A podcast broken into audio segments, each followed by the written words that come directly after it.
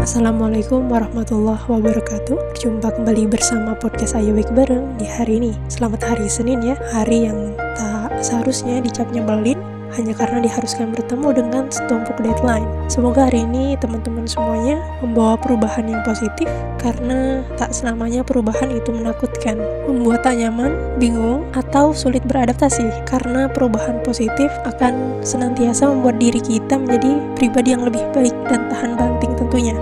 Kalau tidak sekarang, kapan lagi? Karena konsekuensinya akan lebih berat jika tidak sekarang ya. Jadi gimana nih kabarnya hari ini? hari di mana kita mencoba untuk mengheningkan diri atau kita cobakan untuk hari ini mencoba hening, mengheningkan diri dari sosial media, mengheningkan diri dari berbagai macam aktivitas, dan mencoba mengkoneksikan diri dengan siapa pun yang terdekat yang ada. Mencoba mengheningkan pikiran dari hasrat dan keinginan yang belum kecapaian, dan dalam hening pikir dan rasa, kita mencoba untuk merasa. Kita putar rekaman setahun terakhir hal-hal apa yang kita lakukan, hal-hal apa yang kita katakan, hal-hal apa yang kita pikirkan, hal-hal tersebut kita mohonkan agar Allah berkenan memberi ampunan. Dalam kondisi syaum, dalam kondisi fisik menahan lapar dan dahaga, pastinya psikologis kita memuncak dan membahana. Saat itulah perlunya memenuhi ruang pikir dan rasa dengan doa.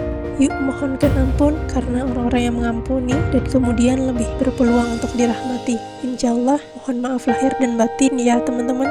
Ini merupakan sebuah insight dari seorang guru yang kami hormati yaitu Sensei Zen Permana. Kemudian juga hari ini, hari di mana saya pribadi berpikir ulang dan merasa ulang terkait dengan kejadian dahulu. Barangkali dahulu saya pribadi belum paham makna Idul Adha sendiri, lalu kemudian bertemu dengan sebuah tulisan yang entah siapa yang menulis. Kata-katanya seperti ini, setiap kita adalah Ibrahim. Ibrahim punya Ismail. Ismailmu mungkin hartamu. Ismailmu mungkin jabatanmu. Ismailmu mungkin gelarmu. Ismailmu mungkin egomu. Ismailmu adalah sesuatu yang kau sayangi dan kau pertahankan di dunia ini. Ibrahim tidak diperintah Allah untuk membunuh Ismail. Ismail hanya diminta Allah untuk membunuh rasa kepemilikan terhadap Ismail karena hakikatnya semua adalah milik Allah. Tentu hari ini juga mengajarkan kita makna tentang mengorbankan, yaitu tentang percaya dan ikhlas. Dua hal yang sungguh berat di bulan-bulan terakhir di tengah pandemi ini. Terakhir ku ucapkan selamat mengheningkan diri, selamat Idul Adha pada teman-teman tersayang yang mendengarkan podcast ini. Semoga teman-teman semuanya sehat selalu dan bahagia selalu ya.